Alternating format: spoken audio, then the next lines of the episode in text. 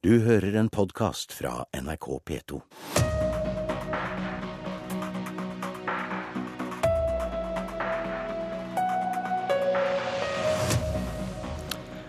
Uredelige Stian Berger Røsland møter uærlige Raymond Johansen. Diskusjonen om eiendomsskatt i Oslo når stadig nye høyder. Eller lodder nye dyp. Hvem er det som jukser med tall? De kommer til å peke på hverandre så fort jeg slutter å snakke. Legg fra deg brødskiva, nå må du holde tunga rett i munnen. Velkommen til Politisk valgkvarter, byrådsleder for Høyre i Oslo, Stian Berger Røsland. Takk skal du ha. Du mister vel ikke søvn av angrep fra din hovedmotstander som sitter ved siden av deg, men hvordan er det å bli kalt uredelig av den langt fra røde avisa Aftenposten i deres leder på lørdag? Jeg syns Aftenposten bommet. Jeg syns det var en artikkel som bygget på en gal forståelse av hvordan dette forholdet egentlig er.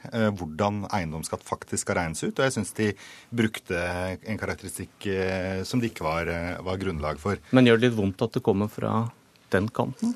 Ja, nå var, det, nå var det jo ikke så veldig treffende, syns jeg. Og det hjelper jo. Det hadde jo vært verre hvis det faktisk var treffende. Men her mener jeg at de bommet, og da, da hjelper det jo tross alt litt. Spørsmålet er hvor mange som må betale eiendomsskatt hvis Arbeiderpartiet får makt i Oslo, og hvor mye. Du regner på en måte som gir høyere eiendomsskatt enn når Raymond Johansen regner. Og hvorfor bruker du prisantydning på et hus når du skal fortelle velgerne hvor mye eiendomsskatt de må betale, og ikke ligningsverdien, som Raymond Johansen gjør, og som Høyre i Bergen gjør, f.eks. Altså, jo, vi har jo i og for seg tre debatter. Den ene er bør vi innføre eiendomsskatt eller ikke. Og så er det hvordan skal den i så fall beregnes hvis den blir innført. Og så er det tredje er det, er det legitimt å diskutere andre modeller enn den Arbeiderpartiet går til valg på. Eh, og Hvis vi nøyer oss med det første, så er det altså slik at eiendomsskatt Nei, men Nå, var det ikke det. Jeg, jeg spurte om punkt to, ja, nemlig Arbeiderpartiets modell. Det er det jeg kommer til.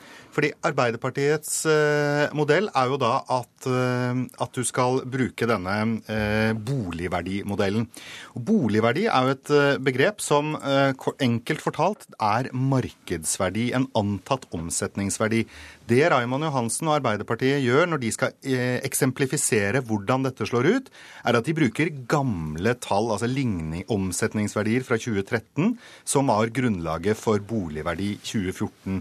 Det jeg mener er riktig å gjøre, er å bruke antatt eh, omsetningsverdi når faktisk eiendomsskatten skal innføres. Eh, og det er omsetningsverdi nå, ikke noen år tilbake. Det du sier er at når boligprisene stiger, så kommer også eiendomsskatten til Arbeiderpartiet til å stige? Det jeg sier er at eiendomsskatt skal beregnes ut fra en antatt markedsverdi, ikke antatt markedsverdi for noen år tilbake. Og der er det uenigheten vår, vår ligger. Det blir ikke ligningsverdi fra 2013 eller 2014 som ligger til grunn for beregning av eiendomsskatt hvis Raymond Johansen kommer til, til makten. Det blir eh, ligningsverdi som da er, eh, fastsettes på det tidspunktet som man eh, innfører, verdien, og, nei, innfører skatten. Og da er det en eh, anslått markedsverdi, en omsetningsverdi, som skal ligge til grunn for hvordan du beregner. Inn, og det er egentlig hovedforskjellen. Men innrømmer du at dine regnestykker heller ikke trenger å være riktige? Nei, altså det er jo det, det, som er problemet her, er at det er ingen som akkurat vet Så hva Så svaret er ja, dine regnestykker kan også være feil? Jeg har rett i den forstand at jeg legger til grunn en forsiktig antatt markedsverdi. Eh, jeg legger ikke til grunn gamle tall. Og derfor så, og, og eh, eiendomsskatteloven, eiendomsskatteberegningsreglene, sier at det er en markedsverdi, en omsetningsverdi, som skal være utgangspunktet, ikke gammel omsetningsverdi fra men. Men hvor, hvor godt forsvar for en regnefeil er det at du mener at noen andre også gjør feil? Ja, men Jeg har jo ikke gjort en regnefeil. Jeg har sagt at du tar utgangspunkt i omsetningsverdi når du skal beregne eiendomsskatt. Det er lovens regel. Det er slik som bl.a. skatteprofessor Jems Onstad sier du skal gjøre det. Det er slik det er. Det er, ikke noe, det er ikke noe mening eller uenighet eller to sider av denne saken. Eiendomsskatt skal beregnes ut fra en eh, antatt omsetningsverdi, og sånn er det. Raymond Johansen, Arbeiderpartiets byløselgerkandidat i Oslo. Du kan vel heller ikke vite hva eiendomsskatten for et hus blir i 2017, når din modell skal få full virkning? Dette er jo ikke min modell, og jeg syns Stian Berger Røsland det han sier er helt utrolig. Det vi gjør her, er å følge det som står i eiendomsskatteloven. Nøyaktig den samme modell som Bergen Høyre har innført. Det vi sier, slik det står i eiendomsskatteloven, og har Stian Berger Østland et problem med dette, så bør han umiddelbart ringe finansminister Siv Jensen og statsminister Erna Solberg. For det vi gjør, er at de ligningstall er tallene som er satt opp på ligningen året før skatteåret. Det betyr at vi har den ligningsverdien som skatteetaten har funnet, den fører du opp. Du ganger med, du ganger med fire, og du ganger med 0,8, som er den regjering fastsatte reduksjonsfaktoren, så trekker du av bunnfradraget. Så vår modell, eller den modellen vi følger, er eiendomsskattelovens modell. Men gjør ikke, du, gjør, vent litt, gjør ikke, du, også en feil når du begynner å regne ut konkrete eksempler basert på dagens ligningsverdi? Ja, men... Da gir du et falskt bilde til velgerne om hva de kommer til å betale, fordi ligningsverdien kommer vel til å stige når du skal sette dette ut i livet? Dette er de siste tilgjengelige ligningsverdiene. 2013 er de siste tilgjengelige. Jeg kan ikke starte min politikk og spekulere i hva tallene skal bli. Du kunne lagt fram en modell uten å begynne å lage regnestykker som kanskje ikke blir riktige? Men dette er jo ikke vår modell. Dette er den fastsatte modellen for hvordan vi skal få dette til. Skal jeg si hvor galt dette kan, kan bli hvis du tar utgangspunkt i prisantydning? F.eks. en prisantydning på et stort, gammelt hus kan være opptil 10 millioner. Men ligningsverdien på de gamle husene er satt veldig lavt, så mange av de vil heller ikke få eiendomsskatt. Med, med, denne modellen fastsatt av, av, av, av, regjeringen. Men det er ikke vår modell. Dette er det eiendomsskatteloven har fastbestemt. Det er det Bergen Høyre har øh, også gått til valg på å gjennomføre. Så dette er jo ikke noe hokus pokus. Jeg syns det aller viktigste nå å, å diskutere er jo som vi gjør, for og mot eiendomsskatt, og få eh, en rimelig eh, eh, lagt denne modellen vi fører, til grunn. Og så må vi begynne å diskutere hva vi faktisk skal bruke pengene på. For er jo, det er jo det som er hovedsaken.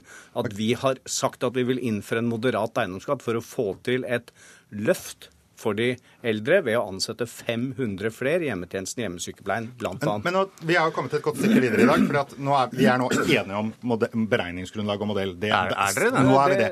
Da er der, enige i vår nei, modell. For der uenigheten ligger, er hva, hvilke tall du putter inn i den.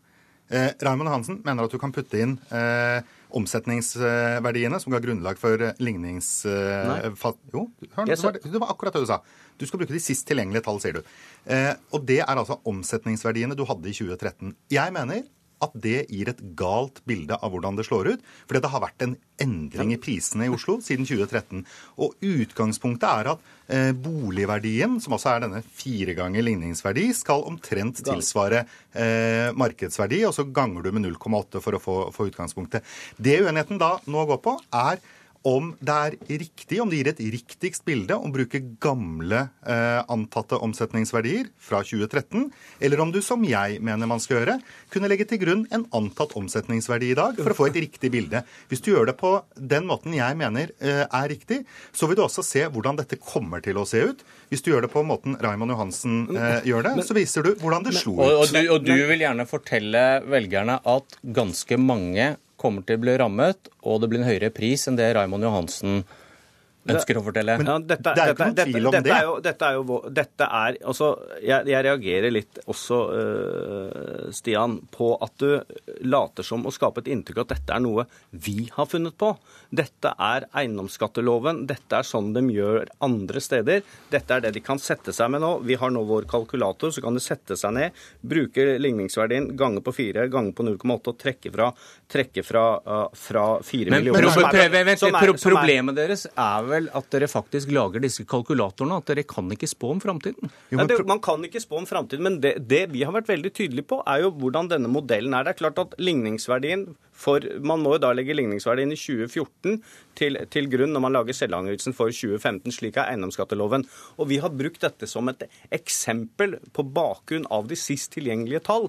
Og vi kan da ikke lage en modell hvor vi, hvor vi vet ligningsverdien. Jeg kan ikke vite om det blir et boligkrakk. Men det som, er, det som jo er saken det er jo det at vi nå har lagd et, et, forslag på å innføre en moderat eiendomsskatt. Fire av fem vil ikke betale for at vi skal øremerke penger til å skaffe 3000 barnehageplasser. 500 ekstra i eldreomsorgen. Det er jo det saken dreier seg om. Ja. Og vi har da vist at dette er dette solidaritetsløftet for de eldre er noe det er mulig å gjennomføre for å møte framtidens enormt store Men utfordringer. spørsmålet er, er igjen hvor mange rammes, og hvor mye må man betale. Og Stian Berger Røsland, dere har laget en kalkulator der velgerne kan regne ut da hvor mye eiendomsskatt de kan få. Men dere har brukt SV og Miljøpartiets bunnfradrag, som betyr at flere må betale eiendomsskatt enn med Arbeiderpartiets modell. og hva ville du sagt hvis dine motstandere sa at med et borgerlig flertall etter valget, så kan Oslo bli stengt for flyktninger og asylsøkere?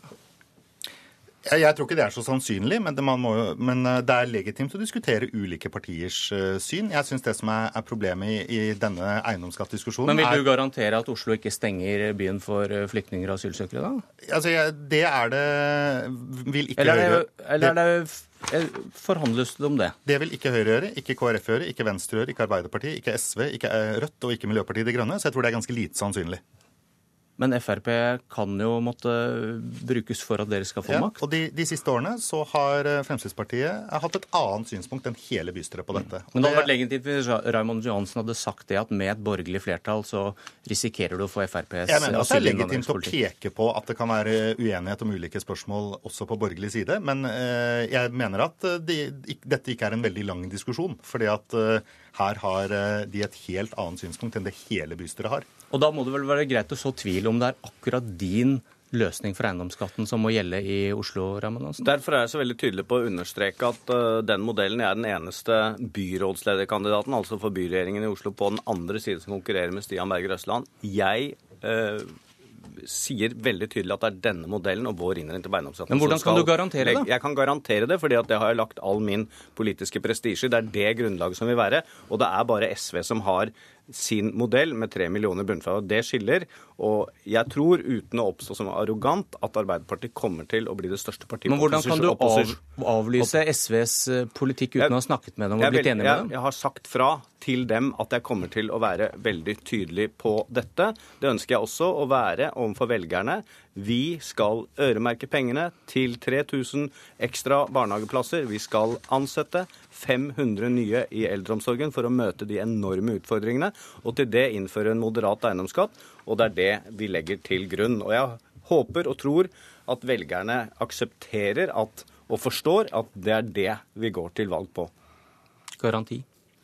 Dette kunne jo Raymond Johansen løst veldig enkelt. Han kunne diskutert dette med de andre partiene på venstresiden og blitt enige om en modell. Problemet i dag er at de er uenige om modellen, og de er uenige om hva pengene skal gå til. Raymond Johansen og Arbeiderpartiet ønsker at pengene skal gå til eh, å bygge, eh, så vidt jeg forstår, 3000 barnehageplasser. Det er jo litt fascinerende. Jeg har bygget 5000 barnehageplasser uten eiendomsskatt, men Raymond lover han skal bygge tre med. Jeg syns det høres ut som en dårlig deal. Men eh, han, han, skal, eh, han skal bruke det på det, og så skal SV bruke det på, på skole, og så skal eh, Miljøpartiet bruke det på bydeler. Så du trenger å avklare dette spørsmålet. Og det er altså ikke slik at Arbeiderpartiet er det eneste partiet på venstresiden, og det er ikke slik at Arbeiderpartiets modell er det eneste modellen okay. som legges til grunn. Vi er ferdig for i dag. Da kan folk prøve å plukke opp brødskiva igjen.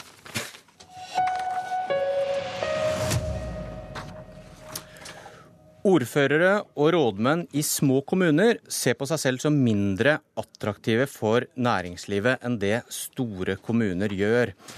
Og dette er hentet fra din undersøkelse, Kristin Skogen Lund, administrerende direktør i Næringslivets hovedorganisasjon. Eh, Hvorfor får du disse svarene fra ordførerne og rådmennene, tror du?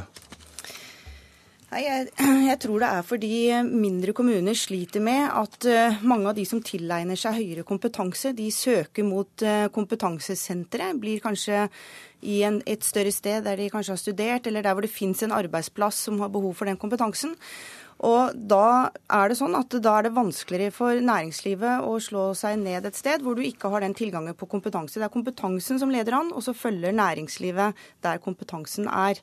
Og det er ikke så lett for eh, rådmenn og ordførere i mindre kommuner å, å gjøre noe med den trenden der, for det er en slags megatrend som, eh, som vi ser overalt. Utenfor politikeres kontroll? Ja, så Selvfølgelig er det mye mindre kommuner kan gjøre for å gjøre seg så attraktive som mulig. Men eh, akkurat det å motvirke den eh, sentraliseringen som man har sett i eh, i hvert fall de 50 årene kommunestrukturen er så stille, vi ser at det er en sterk trend som bare fortsetter. Marit Arnstad, parlamentarisk leder i Senterpartiet. Hva mener du man kan trekke ut av svarene NHO har fått fra de små kommunene? Jeg syns først det er grunnlag for å understreke at dette er jo ikke statistikk, og det er ikke fakta. Dette er jo en undersøkelse, en meningsmåling som NHO sjøl har bestilt. Og På en måte så forstår, forstår, jeg også litt av svarene til en del av rådmenn og ordførere. fordi eh, det er nok lett i en mindre kommune å tenke at eh, ja, ja, det er vel mer attraktivt i Oslo og Trondheim enn det det er her hos oss. Eh, så jeg har viss forståelse for at en del har svart det svart på den måten.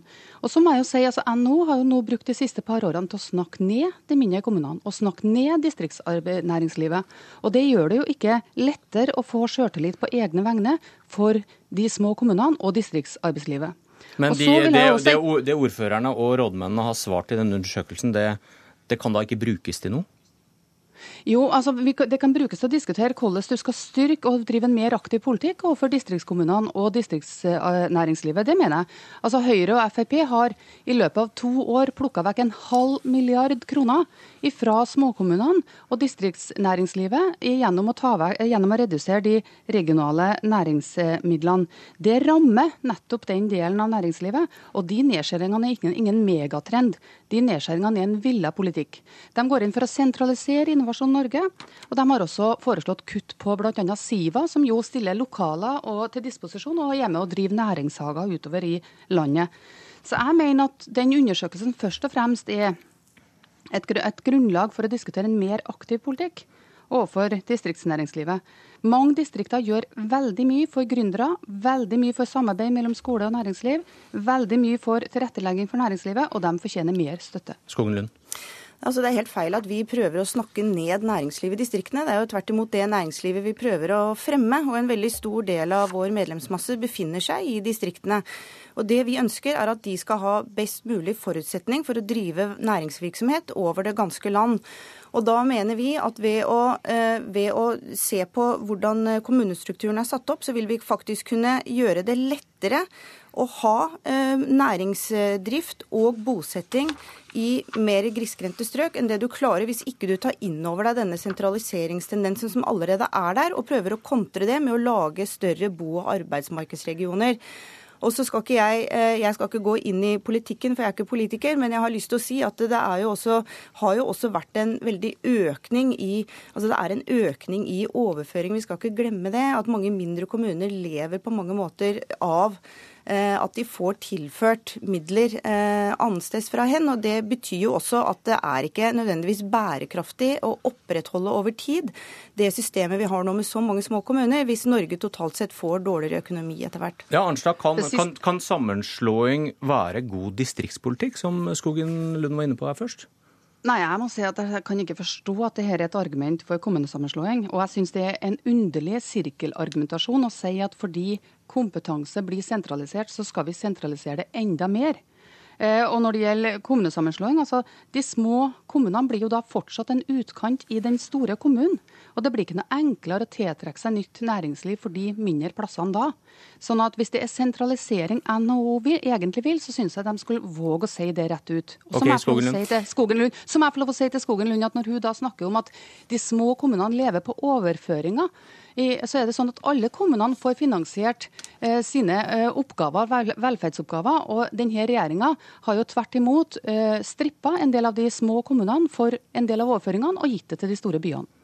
Nei, men Poenget er at hvis du får en større bo- og arbeidsmarkedsregion, vi kan ta Salten-regionen rundt Bodø, som det har vært en del snakk om, så krever det selvfølgelig en aktiv eh, lokal politikk. Men hvis du da har en Salten-region, som er et større område, så får du tilstrekkelig eh, antall eh, funksjoner og kompetanse i den kommunen som gjør at du faktisk kan fordele noe av dette på en smartere måte enn hvis en liten kommune der, som ligger der i dag, skal prøve å opprettholde alle disse disse tjenestene selv. Altså, Halvparten av norske kommuner har f.eks. ikke en jurist. Altså, Det er veldig skrint med kompetanse i mange norske kommuner, naturlig nok, når det er få innbyggere. Får du dette som et større bo- og arbeidsmarked, så kan du fordele den kompetansen bedre rundt, og du kan klare å opprettholde eh, kompetansesentre og også tjenestetilbud i et større spredt område okay. enn det ellers vil klare. Vet du, at, at, at kommunestørrelse skulle sammenfalle med arbeidsmarked, er et underlig stivbeint tankegang. Altså, Det er jo mange av oss som har levd mange år i et arbeidsmarked som består av flere kommuner, og det er da ikke noe som helst problem. Og når det gjelder samarbeid mellom kommunene om spesialiserte tjenester, Marit så er det Arnstad, Kristin Skogen Lund. Sekundene tikker mot åtte. Dette var Politisk valgkvarter. Du har hørt en podkast fra NRK P2.